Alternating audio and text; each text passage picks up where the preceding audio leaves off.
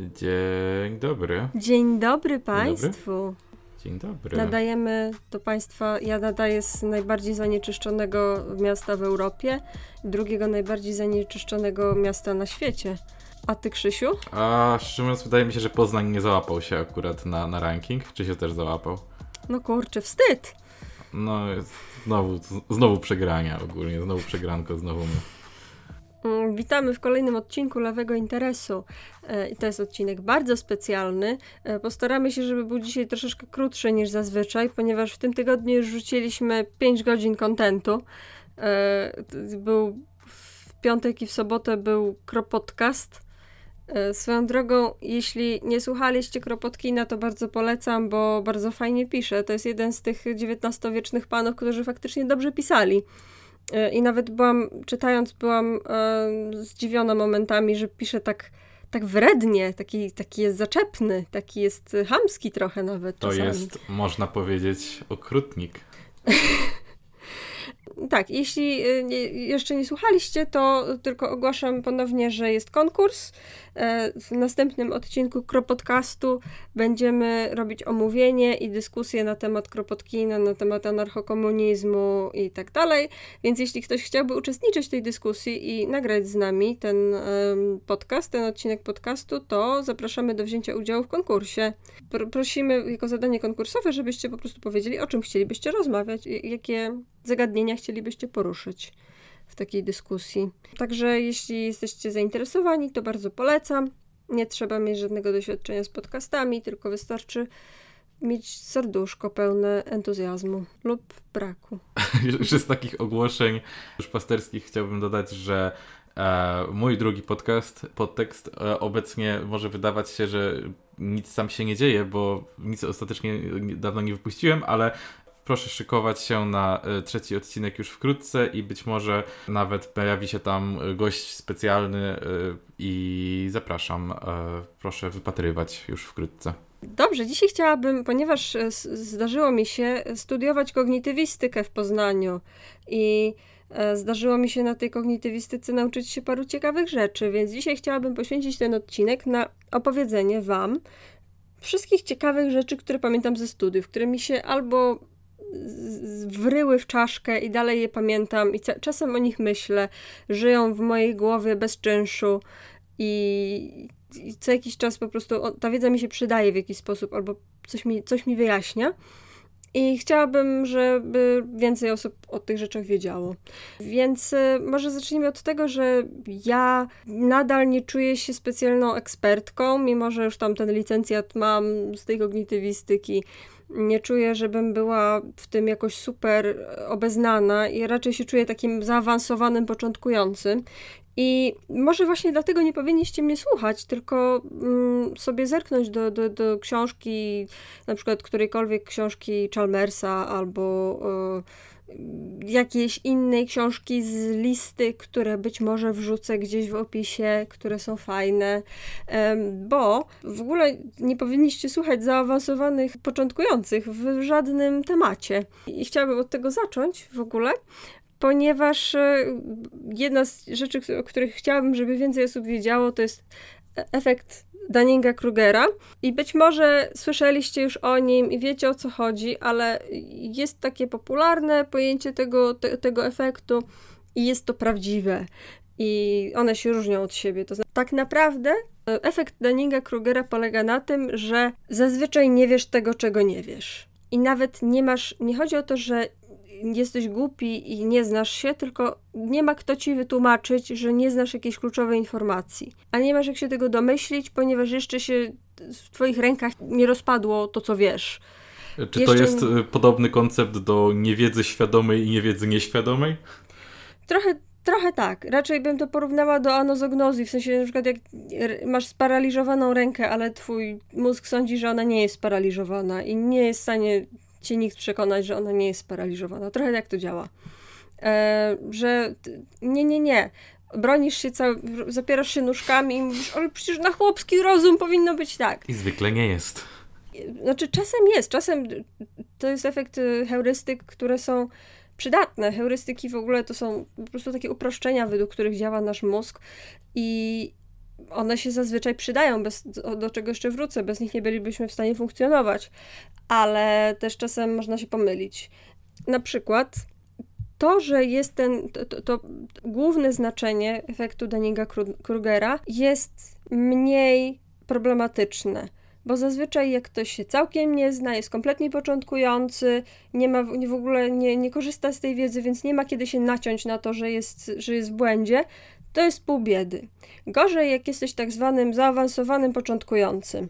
Czyli powiedzmy, jesteś mm, lekarzem, praktykantem, albo jesteś już po praktykach i już sądzisz, że Pana Boga za nogi złapałeś.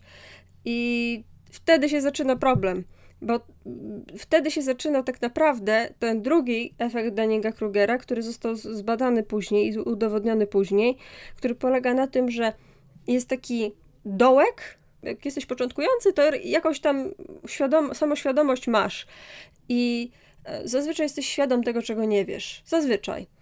Ale zaraz po tym pierwszym kroku, zaraz po tych pierwszych, powiedzmy, że jesteś po, po pierwszych paru latach studiów i już sądzisz, że znasz się na tym temacie, masz taki ogląd, że jesteś w stanie z, po prostu wykombinować odpowiedź na każde pytanie. I eksperci wcale nie wiedzą tyle, co myślą, że wiedzą. Ty, ty wiesz tyle, co eksperci. I wtedy zaczynają się problemy, wtedy możesz się pomylić. I wtedy na przykład się zdarza, że e, na przykład to widać bardzo, że najwięcej błędów i najwięcej takich groźnych błędów popełniają chirurdzy po 100-200 godzinach przy stole operacyjnym. Znaczy 100 w życiu, nie tak ciągle. Tylko po 100 tak w życiu, że, że na początku uważasz, jesteś taki, wiesz, słuchasz, słuchasz starszy, jesteś taki, ojej, ojej, może się, może się pomylę. A potem masz takie, nie, nie, nie, już to ogarnąłem, już, już mam to ogarnięte. I wtedy zaczynasz... Hubris taki się taki, pojawia. Taka pycha się pojawia i no łatwo się na to naciąć. Mm, I dlatego jest, y, jest to pewien problem, y, bo nie, nie dowiesz się tego, dopóki nie popełnisz ważnego błędu. I to widać też y, na, na przykładzie na przykład nauki języków obcych, że jest taki moment, że na początku wiesz, że nie znasz języka i wiesz, że nic nie umiesz powiedzieć, ale jak już cię nauczą tych takich głównych, takiego głównego small talku, już wiesz, no, już umiesz się odezwać i zrozumieć, jak dotrzeć do toalety i jak. Tak szczerze, ja dobra, już znam niemiecki. Totalnie. A, a, potem próbujesz przeczytać książkę albo lądujesz na spotkaniu biznesowym, w którym wszyscy mówią w tym języku i się tak. kończy Dzień Dziecka. Się kończy Dzień Dziecka i na przykład taki sam Dzień Dziecka jest jak badano e, początkujących szachistów że taki całkiem początkujący szachista dość trafnie ocenia swoje umiejętności, że po prostu no nie umiem grać w szachy i tyle. Ale jak już jesteś zaawansowanym początkującym, już tam coś umiesz, już tam coś, nie wiem, nauczyli cię jakiegoś otwarcia, to E, ci się wydaje, że jak, jak, potem sadzali, sadzali, takich ludzi z graczami albo też na, na, ich poziomie, takimi mm, początkującymi albo zaawansowanymi początkującymi, albo z arcymistrzami. Jak arcymistrz się zaczął posuwać do przodu, to ci beginerzy sądzili, że boż, za dureń, bez sensu w ogóle, na chłopski rozum się taki powinno ruszać. I byli przekonani, że są w stanie wygrać z tymi arcymistrzami. No i nie było tak.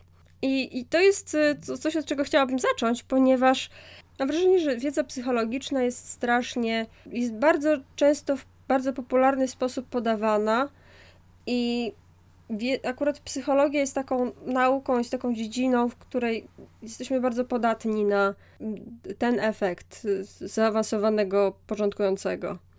Bo wszyscy znamy ludzi raczej i jesteśmy w stanie się spodziewać pewnych rzeczy. Jakby, jakby wszystkim się wydaje, no dobra, ale po co psycholodzy robią te badania, jak im wychodzą same oczywiste rzeczy? Wychodzą im oczywiste, aż wyjdzie im ta jedna nieoczywista. Albo na przykład jest tak, że e, są takie rzeczy, które naprawdę nie, nie wiadomo. Dopóki nie sprawdzisz tego empirycznie, to nie wiesz, jaka jest odpowiedź. Na przykład, nie wiem, powiedziałbyś, że mm, Większa ilość myśli oderwanych od zadania jest u ludzi o wyższym IQ czy o niższym IQ? Ja mam trochę w sumie problem z szanowaniem IQ jako wyznacznika czegokolwiek, ale podejrzewam, że. No zaraz jeszcze pogadamy. Ale w sumie ciężko mi powiedzieć, tak? Bo teoretycznie można powiedzieć, że o, jak ktoś ma wyższe IQ, to pewnie może więcej przetwarzać informacji, a więc mogłoby się pojawiać tam też więcej chaotycznych informacji związanych z zadaniem, ale z drugiej strony e, można pomyśleć, że ktoś, kto ma niższe IQ, ma problem ze skupieniem się na czymś i z tego powodu ma więcej oderwanych myśli, więc nie mam pojęcia. Mhm. No właśnie, to jest takie 50-50, że dopóki nie sprawdzisz, to nie wiesz. I e, odpowiedź na to... O, bo oba wytłumaczenia, które podałem, moim zdaniem na chłopski rozum tak. brzmią sensownie, tak? Ale tak, które jest, jest dużo prawdziwe? Takich. Jest dużo takich i w ogóle w psychologii jest tak, że jakby wiedza, wiedza psychologiczna jest taka, że ona na swoim normalnym naukowym poziomie, nie mówiąc już o pseudonaukowym, jest bardzo podatna na interpretację. Są te słynne badania Bema, w których wychodzi, że e, istnieje jasnowictwo, bo na poziomie tam, istotności, na poziomie P 500 wyszło mu, że wyszło mu ist na istotnym poziomie, że ludzie mogą być jasnowidzami i że każdy ma w sobie jasnowidza. E, co nie, nikt nie twierdzi, że dosłownie tak jest. E, ten, ten Bem to zrobił wyłącznie, żeby zwrócić uwagę na zwrócić uwagę na problemy z metodą naukową w dzisiejszej, w dzisiejszej psychologii. natomiast jeśli chodzi o generalnie całą psychologię, to ona jest bardzo podatna na interpretację i właściwie cokolwiek by nie wyszło, to po prostu badacz by wybrał jedną z tych, dwoich, tych twoich interpretacji, których, o których właśnie powiedziałeś. No i e, tak tylko powiem, że w badaniach zazwyczaj wychodzi, że myśli oderwane za, od zadania są negatywnie skorelowane z ilorazem inteligencji, w tym ujęciu, w którym zazwyczaj jest badane, czyli im, niby im jesteś inteligentniejszy, tym mniej myśli oderwanych od zadania masz. I w ogóle hmm. w niektórych, e, to jeszcze, jeszcze przejdę do tego, czym jest IQ i co ono oznacza, ale według niektórych teorii inteligencji właśnie IQ jest taką umiejętnością samokontroli, samokontroli umysłu. Że jesteś w stanie się zmobilizować, żeby, nie, żeby się nie rozpraszać, na przykład. Ale to jeszcze za sekundkę. Mówię o tym dlatego, że nie chcę tutaj twierdzić, że psychologia jest pseudonaukowa, ale raczej chcę zwrócić uwagę na to, że z metodą naukową w ogóle są problemy. E, i że to nie jest doskonałe takie panaceum, o którym zawsze myślimy. Nie zawsze się da, i to jest okej, okay, że nie zawsze się da zastosować kryteria Popera, że musi być falsyfikowalna wiedza. Możesz czasem po prostu stawiać hipotezy. Możesz je w jakiś sposób, e, możesz chcieć je nie tylko obalać, ale też potwierdzać. E, ważne, żeby się za bardzo nie zapędzić i też je weryfikować co jakiś czas może w tym twoim eksperymencie albo w, tym twoim, w tej twojej teorii nie będzie y, elementu falsyfikowalności, ale może następna osoba zrobi coś, co obali twoją albo mm, potwierdzi, albo coś tam jeszcze. E, więc y, tylko chciałabym, żebyście byli świadomi, że to jest metoda naukowa, to nie jest taki, nie jest magiczna różdżka, która wam załatwi krytyczne myślenie. Generalnie radzę czytać badania po prostu. Jak, jak, jak widzicie, że psycholodzy udowodnili, że kobiety wolą kolor niebieski, bo coś tam, coś tam, bo, bo nasze przodkinie często patrzyły w nocne niebo gwieździste, no to zastanówcie się, skąd te dane są w, ogóle. A w ogóle psychologia ewolucyjna to główno, ale może to temat na inny odcinek. I teraz chciałabym przejść do tego, ponieważ to jest trend, który jest coraz częściej widoczny, że na przykład w korporacjach coraz częściej się robi testy osobowości, testy psychologiczne, testy predyspozycji, E, poznawczych e, i chciałabym, jeśli komuś, kto nas słucha, zdarzy się być poddanym takiemu testowi, to chciałabym, żebyście wiedzieli, kiedy uciekać. Jeśli już w ogóle jesteście na tyle zdeterminowani, że chcecie się poddać takiemu testowi, to chciałabym, żebyście wiedzieli, kiedy na, należy wiać. Kiedy wiadomo, że ten test was skrzywdzi i nie jest wiarygodny. To jest y, wiedza, którą wzięłam z mojego ulubionego przedmiotu wszechczasów, którym jest y, psychometria. Opowiem Wam teraz o kryteriach dobroci testów psychologicznych, bo to jest wielka rzecz. Zawsze jak ktoś, jak mówię komuś, że studiowałam psychologię, to mnie pyta o dwie rzeczy: o IQ i MBTI. Co to jest MBTI, czyli to Myers-Briggs, o którym jeszcze za chwilę coś powiem, bo mam opinię na temat MBTI. Natomiast jeśli chodzi o kryteria testów, to tak, przede wszystkim test jest narzędziem, które ma autora. Jeśli dostajecie test w Polsce, to on powinien być stworzony przez konkretną pracownię psychometryczną. Powinno być jest coś takiego jak towarzystwo psychometryczne. Wtedy test ma autora, tak jak praca naukowa ma autora, e, test jest podpisany konkretnym, konkretną nazwą producenta i ma konkretną liczbę kopii. To znaczy dostajesz konkretny test, który ma, tak jak egzamin maturalny, ma konkretny numer seryjny, dostajesz go, nie, powinno, nie powinno się dostawać kserówki, bo też może taki test, jeśli dostajesz na przykład kolorowy test, który ma mierzyć twoją umiejętność przetwarzania kształtów geometrycznych, to nie fajnie, żebyś dostał zjaraną kserokopiarką kopię, na której nic nie widać. Tylko to powinna, powinien być faktyczny, legitny test z numerem seryjnym, powinien wyglądać jak matura, generalnie. To po pierwsze. E, jeśli tak nie jest, to znaczy, że co najmniej możecie się spodziewać, że ten test jest z plagiatu. Co bardzo źle świadczy, jeśli ta korporacja tak robi, to hmm, no dziwne, nie możecie się spodziewać profesjonalności dalej. A po drugie, e, istnieją kryteria samej dobroci testu. Jest ich sześć i pierwszy to obiektywność, czyli powinny, test powinien być tak zrobiony, że od sprawdzającego nic nie zależy. Punkt to punkt, brak punktu to brak punktu, jest konkretny klucz, według którego odpowiadamy. Do widzenia. E, trzeba się wstrzelić w klucz. Tak, trzeba się wstrzelić w klucz i już.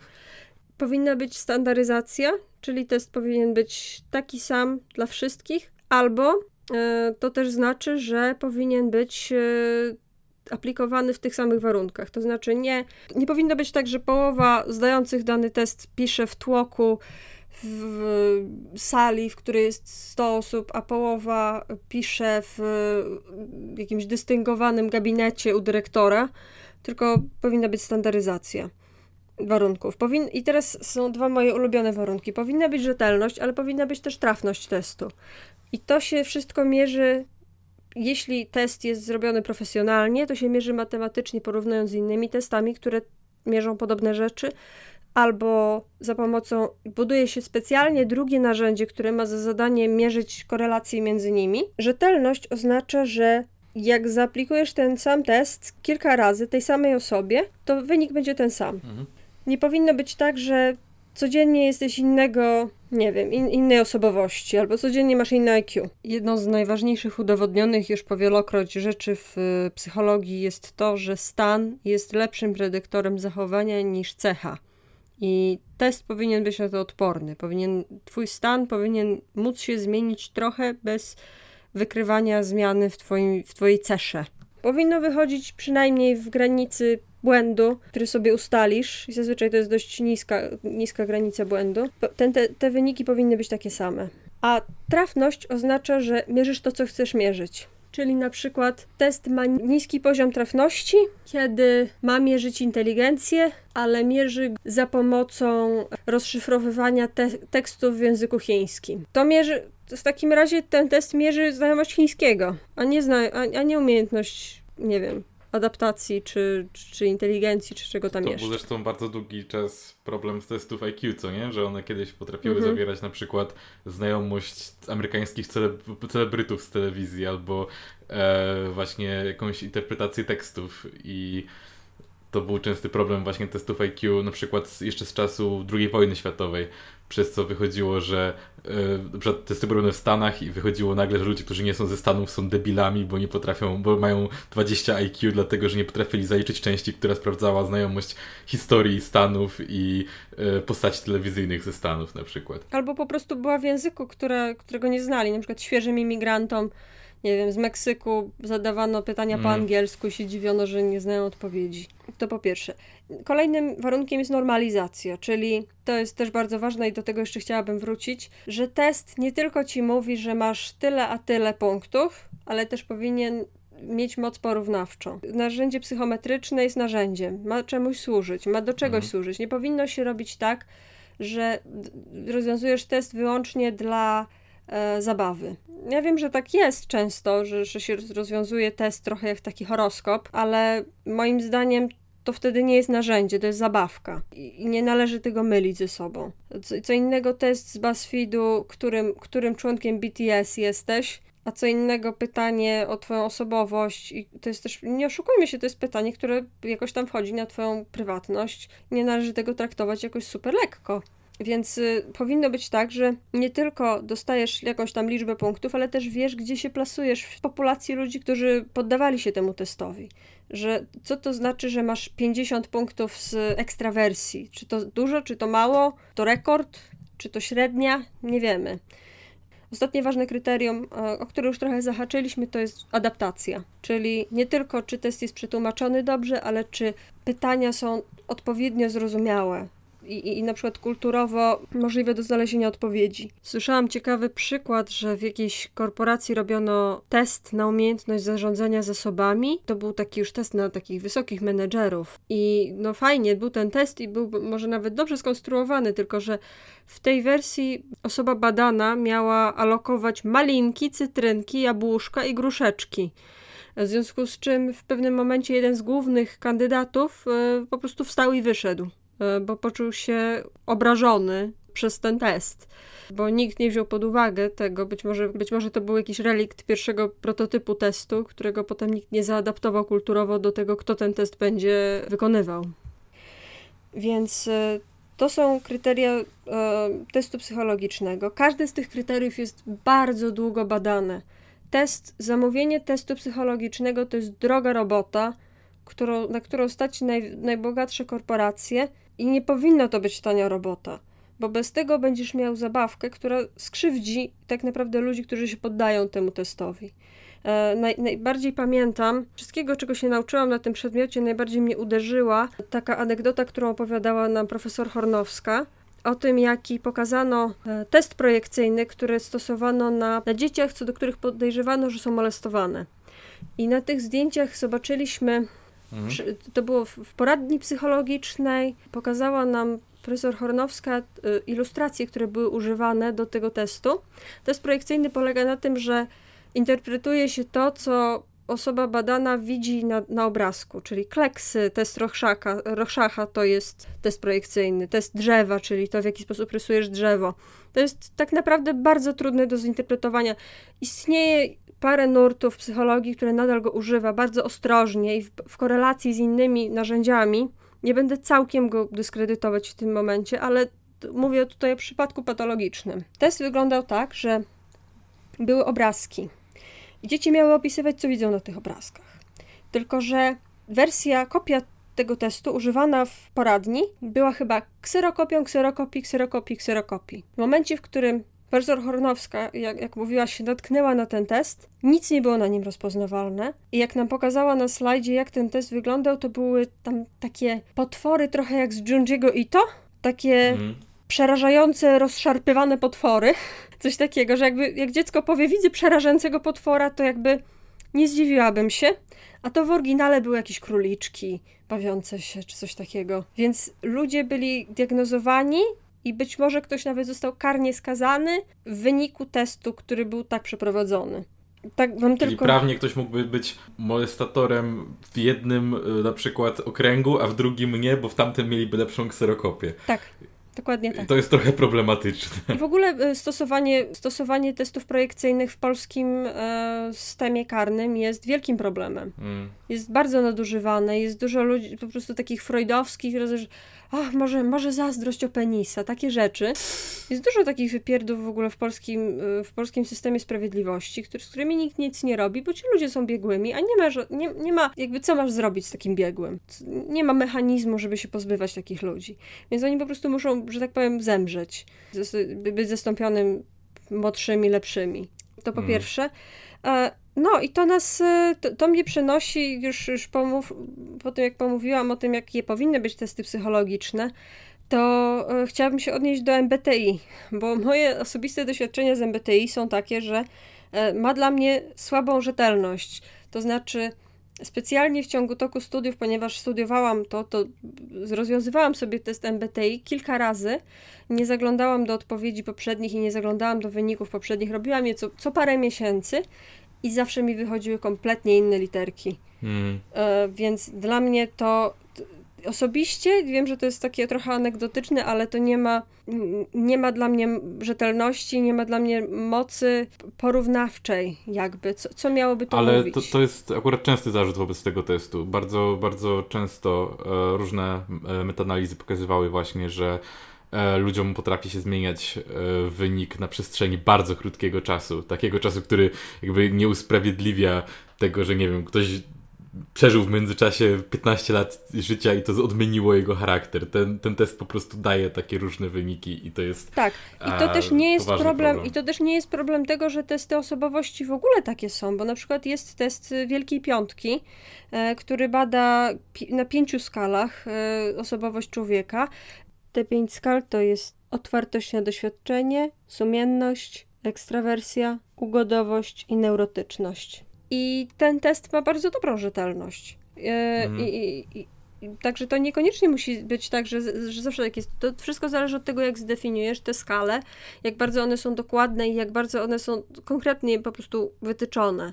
To nie musi być tak, że. Mm, też, też nie chcę tutaj za bardzo demonizować tego MBTI, bo jak ktoś chce się pobawić, to bardzo proszę, ale często słyszę takie obrony MBTI, że albo jednocześnie słyszę od, od tych samych osób, że no daj spokój, to jest tylko zabawa i jednocześnie słyszę, a tak w ogóle to y, MBTI jest przydatne, bo na przykład możesz się dowiedzieć z MBTI, jak, jaką powinieneś mieć pracę, albo jaką powinieneś mieć partnerkę no to albo jedno, albo drugie, albo zabawa, albo nie zabawa. Albo robimy zabawę, albo robimy narzędzie do wytyczania, nie wiem, swojej ścieżki życiowej.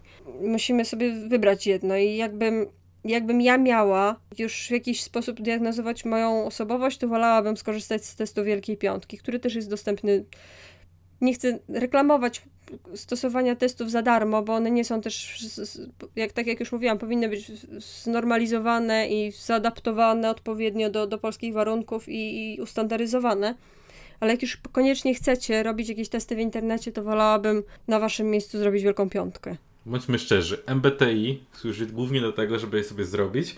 I wpisać w, na Tinderze w opisie. Tak, naginać odpowiedzi, żeby wyszło ci int J i potem czuć się lepszym od wszystkich innych, bo jesteś jak Albert Einstein. To jest jedyny powód, dla którego trzeba robić ten test. I należy sobie, jak, jak ci wyjdzie INTJ w końcu, za którymś razem, a nie martwcie się, jak ci nie wyjdzie za pierwszym razem, to możesz zrobić jeszcze parę razy w końcu ci wyjdzie. Wtedy piszesz to wszędzie, piszesz to w swoim bio na każdej stronce i, i możesz mhm. na ludzi patrzeć z góry. To jest powód, dla którego tak. istnieje tak. MBTI. Tak, i generalnie jak masz i z przodu, to wiadomo, że jesteś elitą. O. Tak. E, I to, I to nas sprowadza e, na, na drogę IQ czy IQ istnieje? Hmm, hmm.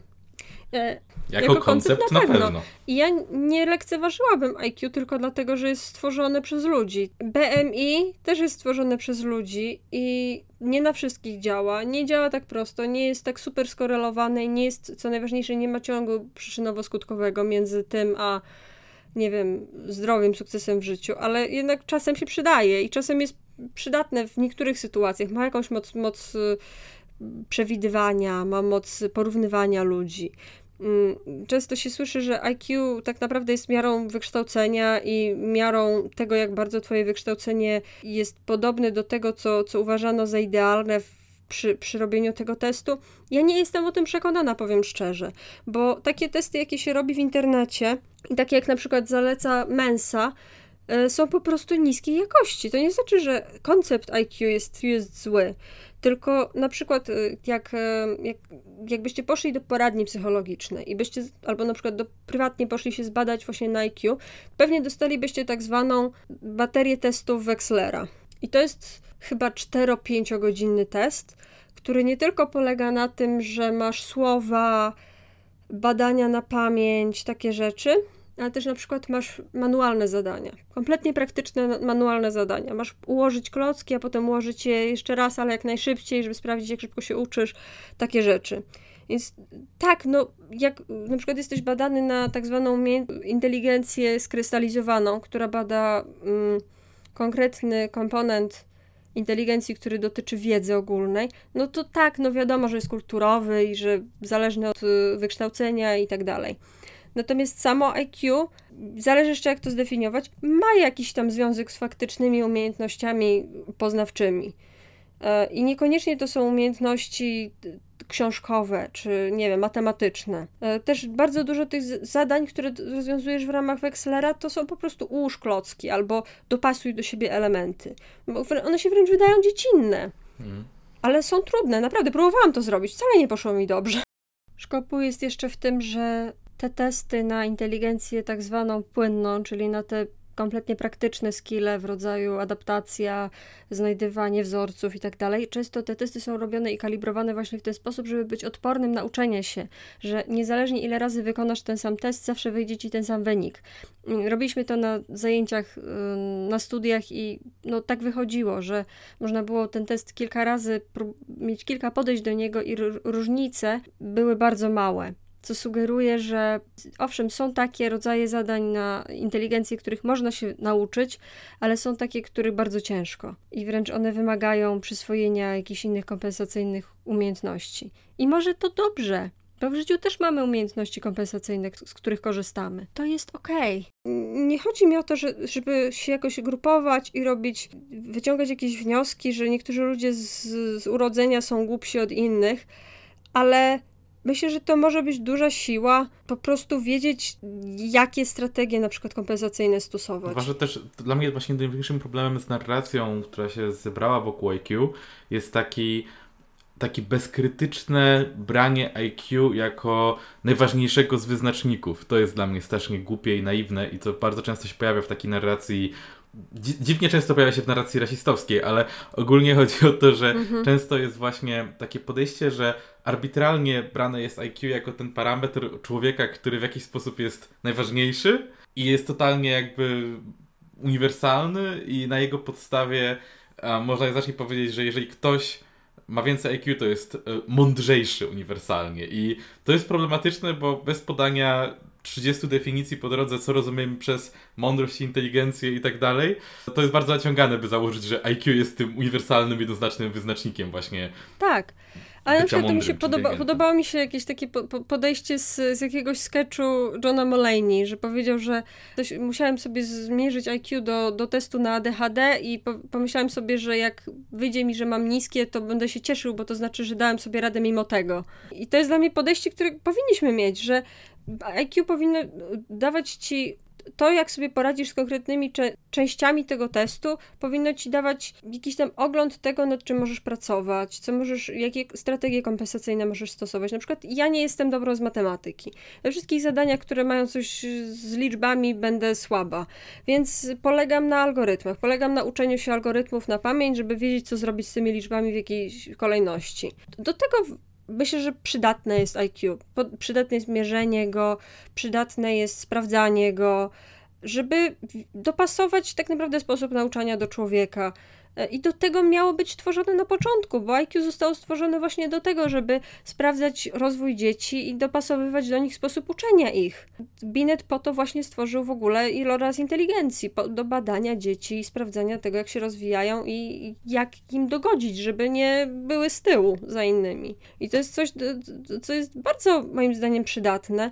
I te, to, czy IQ jest jakimś tam obiektywnym, wrodzonym czynnikiem, czy pro, silnym predyktorem czegoś tam, to mnie nie za bardzo interesuje. Bo wiadomo, że ono jest społecznie uwarunkowane i wiadomo, że jest. E, na przykład wiemy o efekcie Flina, który sprawia, że co kilka lat trzeba odnawiać i po, od nowa normalizować testy e, IQ, ponieważ e, ludzie się robią coraz mądrzejsi. I, I, warto właśnie wspomnieć, że jak e, jakby to nie jest też wartość bezwzględna, to 100 na przykład, e, to jest wartość określona na podstawie tego, jakie wyniki były na teście, w sensie i z tego właśnie powodu test na przykład 50 mm, lat temu 100 na teście to wcale nie jest jakby porównywalne do, do 100 obecnie, dlatego że właśnie punktacja jest wyznacznikiem tego właściwie czym jest średni wynik, tak? Więc e, w sensie 100, 100 punktów IQ to jest po prostu wartość średnia dla wyników tego testu, a więc tym samym inny test rozwiązywany w innym czasie będzie miał dla niego 100 punktów to będzie tak naprawdę oznaczało trochę co innego i to jest też trochę problematyczne przy tym. E, czyli jakby te punkty są zależne od testu tak naprawdę i od wyników w danym czasie, więc e, ludzie mogą się robić coraz mądrzejsi co, co kilkadziesiąt lat, ale średnio zawsze będzie 100. Mm, mimo, że jakby według starego testu tak. ci ludzie, którzy teraz mają 100 mogliby mieć 115 na przykład. Czyli to też nie jest taka wartość i dlatego jak widzimy, że ktoś miał kiedyś tam ileś punktów, to właściwie nic nam to nie mówi na temat tego, ile miałby obecnie. To też jest trochę, znaczy trochę nam mówi, ale musimy to sobie przeliczyć tak. jakby i to jest trochę problematyczne. A jeszcze jedna ciekawa rzecz, że nie ma czegoś takiego jak IQ 200, bo według tej skali normalizacyjnej, która teraz obowiązuje, środek to jest 100 i potem lecą 3 sigmy po, jak to, kto wie, ten wie, e, po 15 punktów, czyli jak jesteś o jedną sigmę od średniej, to, to mhm. masz 115, potem 130, 145, 150, 145, 160 i powyżej 160 już się nie liczy. W sensie testy są specjalnie tak robione, żeby się nie dało dostać maksa. I jak ktoś twierdzi, że ma 200, to kłamie. Albo rozwiązywał jakiś gówniany test na stronie Mensy, który nie ma żadnej mocy naukowej. Trzeba to sobie przeliczyć, no i oczywiście brać to trzeba z, z pewną dozą sceptycyzmu. E, pewnie, jeśli słuchacie nas, to pewnie znacie Shona e, i, i wiecie, że zrobił dwójpół godzinny film na temat tego, że nie ma tak naprawdę żadnego dowodu na to, że jest jakikolwiek związek między rasą a IQ. Nie będziemy tutaj powtarzać wszystkich tych argumentów, ponieważ jest ich dwie i pół godziny i myślę, że Sean zrobił to o wiele lepiej niż my to zrobimy. Nie chcemy też tłumaczyć czyjegoś dzieła jeden do jednego, więc jeśli chcecie, to, to zobaczcie sobie jego film. Ale ogólnie to IQ nie demonizowałabym go jako pojęcia. To, to, że traktujemy je z pewnym sceptycyzmem, tak powinniśmy traktować wszystko i, i nie traktować tego jako jedyny wyznacznik, nie wiem, wartości człowieka.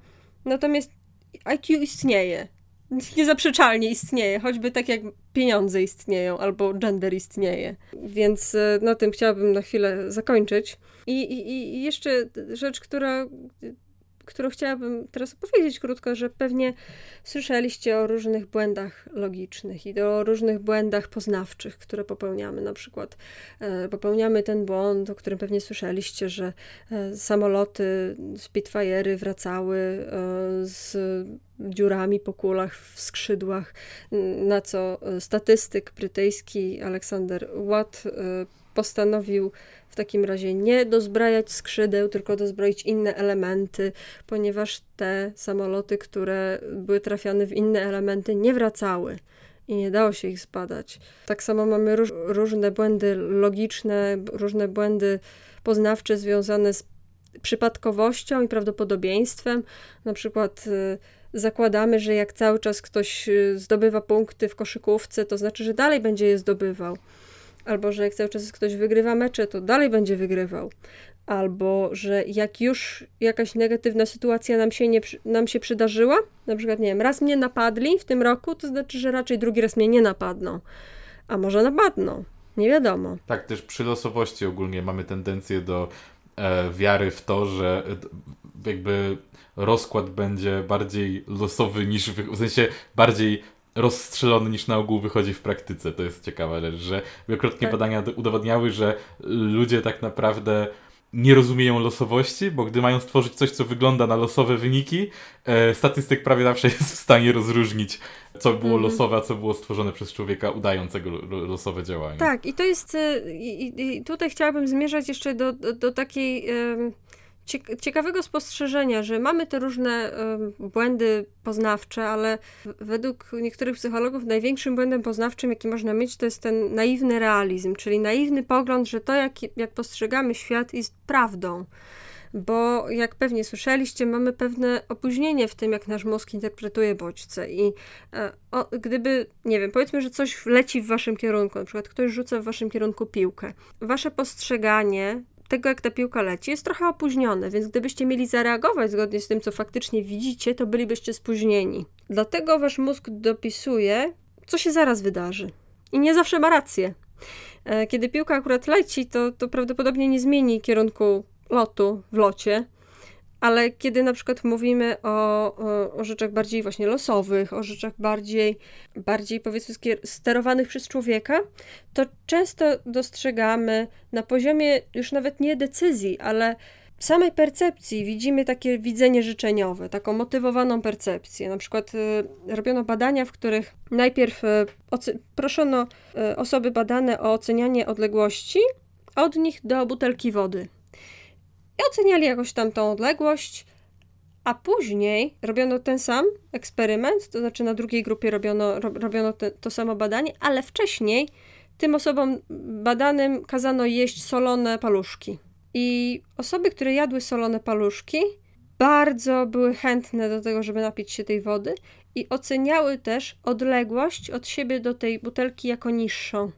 Myślały, widziały oczami tą butelkę jako bliższą niż e, kiedy hmm. byli.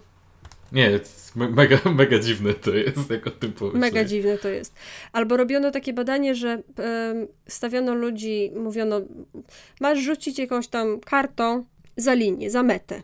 I jednym mówiono, że po prostu rzuć tą kartą, a drugim mówiono, jeśli rzucisz za tą metę, to, to jest karta podarunkowa i dostaniesz kartę podarunkową, jeśli rzucisz za metę. I osoby, którym dano tą motywację, rzucały bliżej.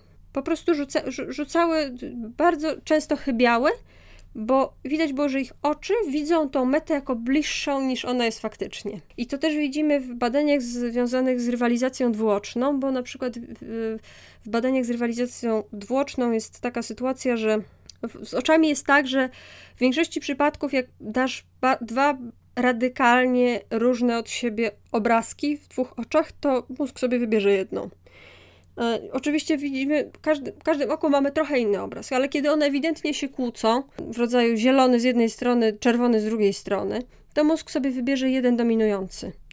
Robiono takie badanie, w którym z lewej strony pokazywano litery, z prawej strony pokazywano cyfry i mówiono ludziom, że błyskano nimi bardzo szybko, tak że człowiek nie mógł podjąć świadomej decyzji, tylko mózg jakby po prostu wybierał, wybierał ten obraz, który chciał. I mówiono ludziom, za każdym razem, kiedy zobaczysz literę, damy ci punkt, a za każdym razem, jak zobaczysz cyfrę, odejmiemy ci punkt. Ludzie widzieli wyłącznie litery. Mm. Niezależnie od tego, y, z której strony się pokazywały. E, potem zamieniano jeszcze te strony, yy, robiono różne szachumachu. Ludzie po prostu widzieli to, co chcieli widzieć. I dlatego to, to, to widzenie życzeniowe i w ogóle poziom tego, jak, jaki wpływ ma motywacja na nasze życie, jest niesłychanie e, ważny. Dlatego to, to, też wracamy trochę do tych testów, wracamy do, do, do testów IQ i do innych rodzajów testów, bo swego czasu na tych studiach próbowałyśmy zrobić y, doskonalszy test na predyspozycje językowe.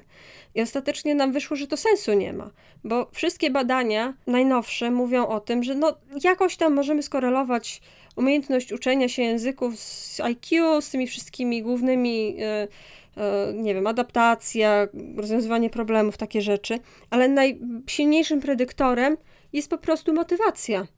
I każdy test, który będzie do, dotyczył jakichkolwiek umiejętności, jest tak naprawdę testem motywacji. W przypadku IQ mamy silną motywację, bo IQ jest tak kulturowo kojarzone z, wartością człowieka, że ludzie trochę się cykają i, i to może wpływać na nich albo bardzo pozytywnie, kiedy się zdenerwują, albo negatywnie. Um, i, I tak naprawdę ciężko jest y, zrobić test, który bada umiejętności w sposób, który nie wymaga testowania również motywacji. Dlatego motywacja jest tak ważna.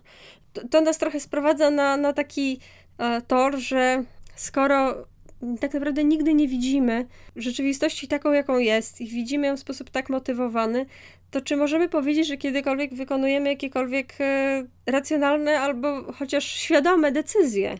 Czy jesteśmy w stanie podjąć świadomą decyzję w takim razie? No i okazuje się, że to jest również debatowalne. Czy jesteśmy w stanie zrobić coś świadomie? Czy, czy istnieje coś takiego jak e, wolna wola? To jest ciekawa, ciekawa sprawa. Ciekawe, rzeczywiście. Nie wiedziałam, że będziesz o tym mówił. Kto by się spodziewał, nie? Ogólnie e, jest e, zestaw badań. Zaczęło się wszystko od badania e, w lat 80. Robił je Benjamin e, Libet, chyba to się tak czyta, Libet, nie jestem pewien. E, kazał ludziom ruszać e, palcem i deklarować, kiedy podejmują decyzję, że, że ruszają palcem. Czyli mieli po prostu, kiedy im się będzie chciało stwierdzić, ok, ok teraz i ruszam pal, ruszają palcem. I okazało się, że mm, niezawodnie za każdym razem podczas badania aktywności ich mózgu pojawiał się e, sygnał sugerujący, e, że ta decyzja zapada na co najmniej pół sekundy przed tym, jak oni odczuli, że podejmują tę decyzję.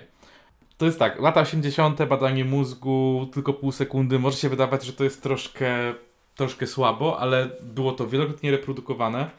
E, nawet w 2008 roku E, odbyło się podobne badanie, podczas którego nawet e, czasami 7-sekundowe opóźnienie stwierdzono między niektórym, między impulsem odpowiadającym za podejmowanie decyzji, a e, deklaracją podjęcia decyzji, a tą świadomością na temat podjęcia decyzji. I ogólnie jest to interpretowane jako dowód na to, że w dużej mierze to, co my postrzegamy jako świadoma decyzja, jest tak naprawdę czysto reaktywne, że to jest reakcja na osiągnięcie pewnego potencjału przez, przez mózg, czyli mózg ma pewne, pewne jakieś wewnętrzne, deterministyczne parametry, które osiąga, w wyniku których on podejmuje decyzję, że coś, że coś zrobi i wtedy pojawia się element świadomy, który mówi, mam ochotę to zrobić.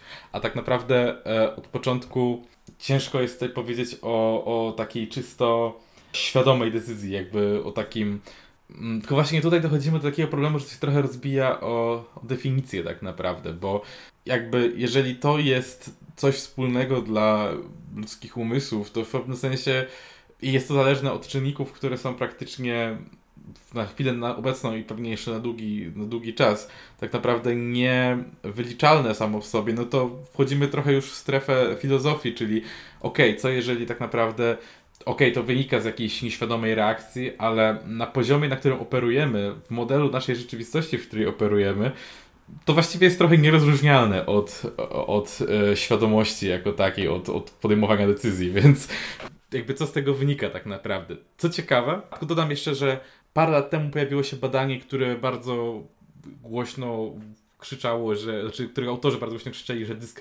udało im się zdyskredytować te badania o reakcyjnej naturze świadomości, ale samo to badanie jakby jest bardzo, bardzo wielu innych badaczy wytknęło trochę nadinterpretację wyników, a może nawet wręcz jawnie złą interpretację wyników po stronie osoby obalającej te badania o nieświadomej, o, o, o braku świadomości, więc tak naprawdę ciężko powiedzieć, żeby to zostało zdyskredytowane. Co więcej, właśnie już powiedziałem, wielokrotnie było odtwarzane i tak pojawiają się sygnały mózgu, zanim pojawia się świadoma decyzja. I teraz co w związku z tym? Co z tego wynika? Wiele, zrobiono wiele badań, a jedną z takich osób, które bardzo się skupiają na tym temacie jest Kathleen Voss z Uniwersytetu w Utah. Głównie badania polegały na tym, że pokazywano ludziom e, materiały. Grupa ludzi jedna dostawała materiały, które po prostu dawały, dawały taki bardzo neutralny punkt widzenia na ten temat właśnie tego, czy świadomość istnieje, czy nie, czy ludzie są, mają jakąś wolną wolę, czy nie, a drudzy dostawali jakieś takie materiały, że wyniki tych badań analizowane i z takim bardzo jasnym przekazem, że tak, wolna wola nie istnieje. I co ciekawe, wpływało to na, na te grupy w bardzo wyraźny sposób. Grupy, mm, którym nie dano znacznej odpowiedzi na pytanie, czy świadomość istnieje, zachowywały się w sposób, który można by ocenić jako bardziej moralny, czyli grupy, które dalej wierzyły w wolną wolę, miały mniejszą e, skłonność do na przykład oszukiwania na teście, na którym specjalnie było bardzo ułatwione oszukiwanie. Miały e, tendencję do wie, wie, miała większą tendencję do pomagania innym ludziom w różnych sytuacjach stworzonych przez badaczy. Co więcej, odzorowano też podobne sytuacje, w sensie starano się zbadać też podobne sytuacje w takim powiedzmy prawdziwym otoczeniu, czyli badano pracowników w różnych firmach, mając, właśnie sprawdzając ich podejście do tego tematu i wyszło, że pracownicy, którzy są bardziej przekonani o istnieniu wolnej woli, e, na ogół są lepiej oceniani przez swoich przełożonych za to, że bardziej się przykładają, są postrzegani jako bardziej niezawodni, jako osoby, na których można polegać. Tymczasem ludzie bardziej przeświadczeni o braku wolnej woli często oceniani są jako osoby o niskiej e, etyce pracy. Tak, e, ogólnie to znowu badane było przez całkiem sporo osób. A innym takim badaczem jest e, Roy Baumeister. On też e, sporo e, takich badań robił, na przykład, że pokazywał, że studenci, którym zaprezentował właśnie badania mające taki jednoznaczny wydźwięk, że nie ma wolnej woli, byli mniej skłonni do pomocy, do nieodpłatnej pomocy na przykład innym studentom w nauce, a tymczasem ci, którym przedstawiono bardziej neutralny punkt widzenia, byli to częściej i chętniej. E, więc to jest ciekawa sprawa, że w pewnym sensie możemy nie mieć wolnej woli, ale możemy wpływać na czyjąś wolę, mówiąc mu o tym, że e, nie ma wolnej woli. Aha, i druga ciekawa rzecz, to nie jest też tak, że w sensie robiono też to badanie mm, na przestrzeni czasu, jakby ten efekt jest czasowy w większości przypadków, czyli to jest taki rodzaj wiedzy, którą która jest tak trudna do jakby zaakceptowania w takim codziennym życiu i wdrożeniu do, do naszego postrzegania rzeczywistości, do tego modelu świata, w którym my egzystujemy, że o ile